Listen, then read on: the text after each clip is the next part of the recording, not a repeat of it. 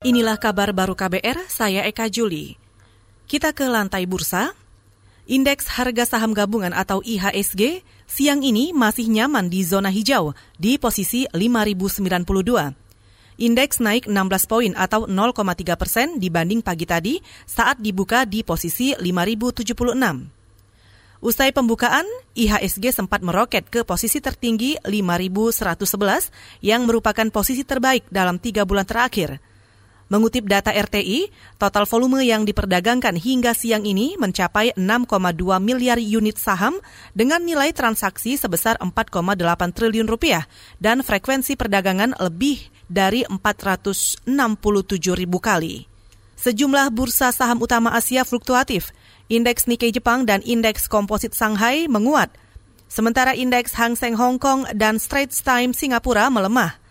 Sementara itu mata uang rupiah melemah tipis dan diperdagangkan di kisaran 14.442 rupiah per 1 dolar Amerika Serikat. Saudara, langkah Presiden Joko Widodo menunjuk Menteri Pertahanan Prabowo Subianto sebagai ujung tombak proyek ketahanan pangan nasional menuai sorotan dari Komisi Pertanian DPR. Anggota Komisi Pertanian DPR dari fraksi PKS, Andi Akmal Pasludin, menilai sikap Presiden Jokowi itu janggal.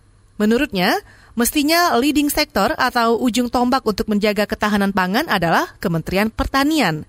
Andi juga meminta Presiden Joko Widodo menjelaskan ke publik mengenai konsep ketahanan pangan yang menjadikan Kalimantan sebagai lumbung pangan nasional kalaupun melibatkan uh, Kemenhan harusnya kan bukan sebagai leading sector tapi mungkin bagian daripada uh, sinergi dan kolaborasi antar kementerian gitu ya. Yang lucu ini kan tidak ada Kemen Kementan yang ditunjuk oleh presiden untuk menangani itu kan. Itu kan agak agak janggal dan menurut kami sebagai Komisi 4 yang bermitra Kementan itu agak janggal gitu kan. Ada apa gitu dan saya kira pemerintah harus menjelaskan, presiden ataupun oh, istana harus menjelaskan seperti apa sih gambarannya food estate ini kan. Jangan hanya food estate, estate disebutin tapi nggak jelas gitu.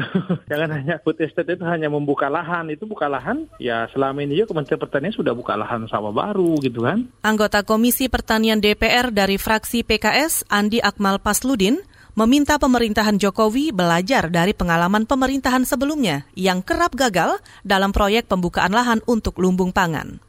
Kasus penularan virus corona penyebab COVID-19 di Tokyo mencatat rekor baru dengan tambahan 220-an kasus dalam sehari. Mengutip Reuters, tambahan ini meningkat dibanding rekor sebelumnya 206 dalam sehari pada 17 April lalu. Ketika itu, Tokyo dan sejumlah kota lain langsung memperlakukan kondisi darurat. Jumlah kasus positif COVID-19 di Tokyo meningkat dalam beberapa pekan terakhir – setelah otoritas kesehatan meningkatkan kapasitas pemeriksaan kesehatan di kalangan pekerja. Secara total, kasus COVID-19 di Jepang mencapai lebih dari 20 ribu kasus dengan 980 angka kematian. Saudara demikian kabar baru, saya Eka Juli.